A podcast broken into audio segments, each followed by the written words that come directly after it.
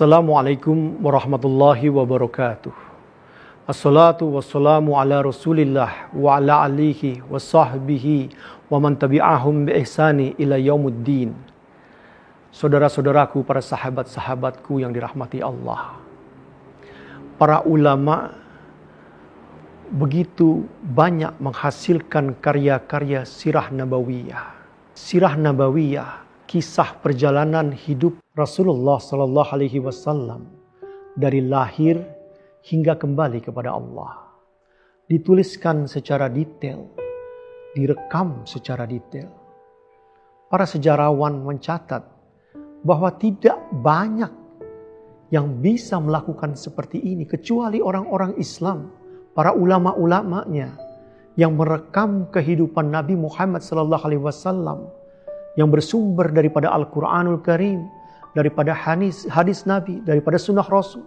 Sirah ini begitu banyak bentuknya. Ada yang dikatakan sebagai sirah memang sirah karya-karya sirah nabawiyah.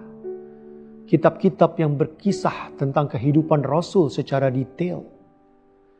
Lalu ada yang dikatakan sebagai syama'il. Syama'il adalah kitab-kitab yang berbicara tentang bentuk rupa, akhlak dan adab Rasulullah Sallallahu Alaihi Wasallam. Lalu ada magazi, yaitu karya-karya berbicara tentang peperangan yang di mana Rasulullah ikut serta.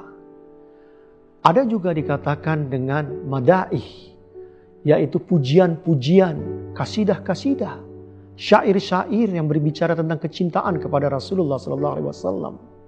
Ada juga khasais, berbicara tentang keistimewaan-keistimewaan Rasulullah Wasallam. Ada pula dalail yang berbicara tentang dalil-dalil kenabian. Allahu Akbar. Jika kita bayangkan kehidupan para ulama yang mumpuni, dia menghajar hadis Nabi Muhammad SAW beserta keilmuannya. Lalu dia mengajar pula tentang sirah. Dan di waktu-waktu dia beristirahat, di waktu rohah, dipakai untuk mendengarkan madaih-madaih pujian-pujian kepada Sayyidina Nabi. Jika engkau bayangkan dengan kehidupan yang begitu luas, para ulama ini membiasakan menghabiskan waktunya beserta dengan Rasulullah Shallallahu Alaihi Wasallam. Sungguh indah. Waktu ruang, waktu lenggangnya, waktu sibuknya, semua dengan menghidupkan sunnah Rasulullah Shallallahu Alaihi Wasallam.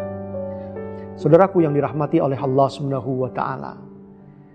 Maulud Nabi alhamdulillah suatu luapan kegembiraan sukacita akan Rasulullah sallallahu alaihi wasallam. Kita semua bersuka cita, bergembira, senang dengan kehadiran manusia yang luar biasa yang sangat peduli dengan kita, yang sayang dengan kita.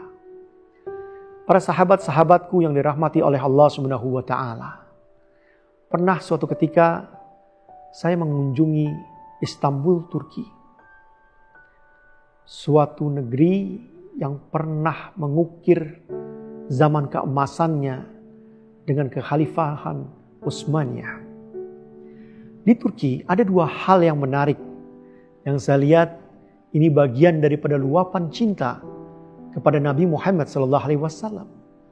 Yang pertama, anda pasti akan banyak menjumpai poster-poster, lukisan-lukisan yang begitu indah, dibingkai, dipasang, dipajang di rumah-rumah, di pekantoran, di banyak tempat yang mereka kenal sebagai Hilyatus Syarif. Inilah Hilyatus Syarif. Hilyatus Syarif, hilyah artinya dekorasi, keindahan. Nah, Inilah yang dikatakan hilyah, hiasan yang dipajang itu. Dalam hilyah kita melihat di atas disebut Bismillahirrahmanirrahim. Lalu di pinggir empat sudut ini adalah nama empat khalifah. Sayyidina Abu Bakar As-Siddiq, Sayyidina Umar bin Khattab, Sayyidina Utsman bin Affan, Sayyidina Ali karamallahu wajahahu, Lalu dikatakan wama arsalnaka ila rahmatan lil alamin. Maka tidak kuutus engkau kecuali sebagai rahmat bagi seluruh alam. Saudaraku yang dirahmati Allah.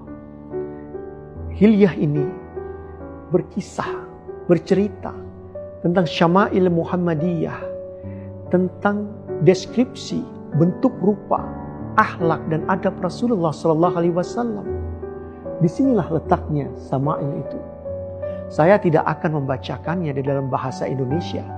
Saya ingin Anda pergi ke toko-toko buku, cari kitab Syama'il Muhammadiyah karya Imam At-Tirmizi dan Anda baca sendiri.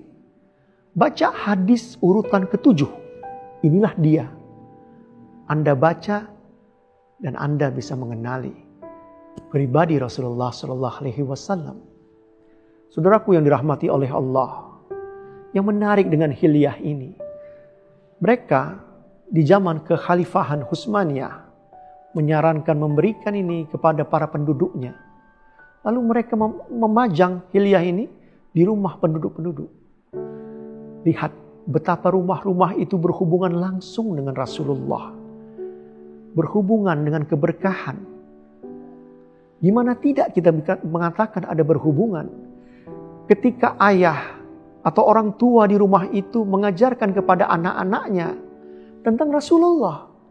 Maka mereka menanamkan rasa cinta kepada Rasul sejak dari usia dini.